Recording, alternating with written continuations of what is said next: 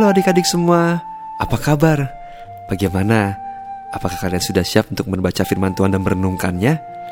Yuk, kita buka Alkitab kita dari Yeremia 1 ayat 7 sampai 9. Kalau sudah, mari kita berdoa terlebih dahulu. Mari kita berdoa. Terima kasih Tuhan Yesus, kami sungguh bersyukur Tuhan. Kami bisa kembali bertemu dari tempat kami masing-masing untuk membaca firman-Mu dan merenungkannya. Berkati kami Tuhan, agar kami mengerti akan firman-Mu. Terima kasih Tuhan Yesus, dalam namamu kami telah berdoa dan mengucap syukur. Amin. Renungan hari ini berjudul Yeremia.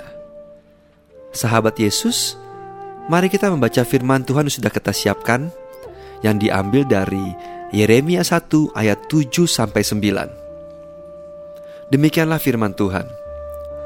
Tetapi Tuhan berfirman kepadaku, Janganlah katakan, "Aku ini masih muda."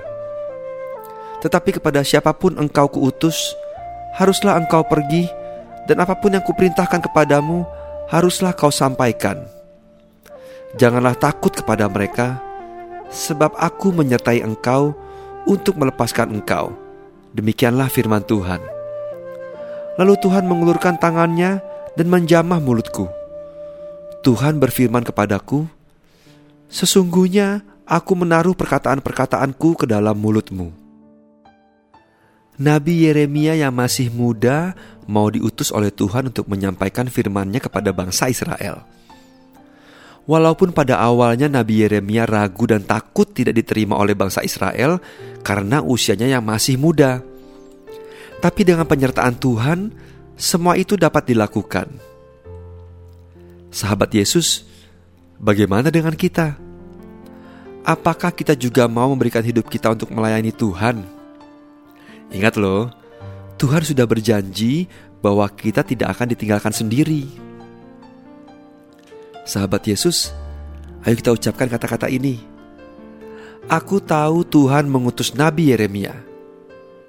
Sekali lagi, aku tahu Tuhan mengutus Nabi Yeremia.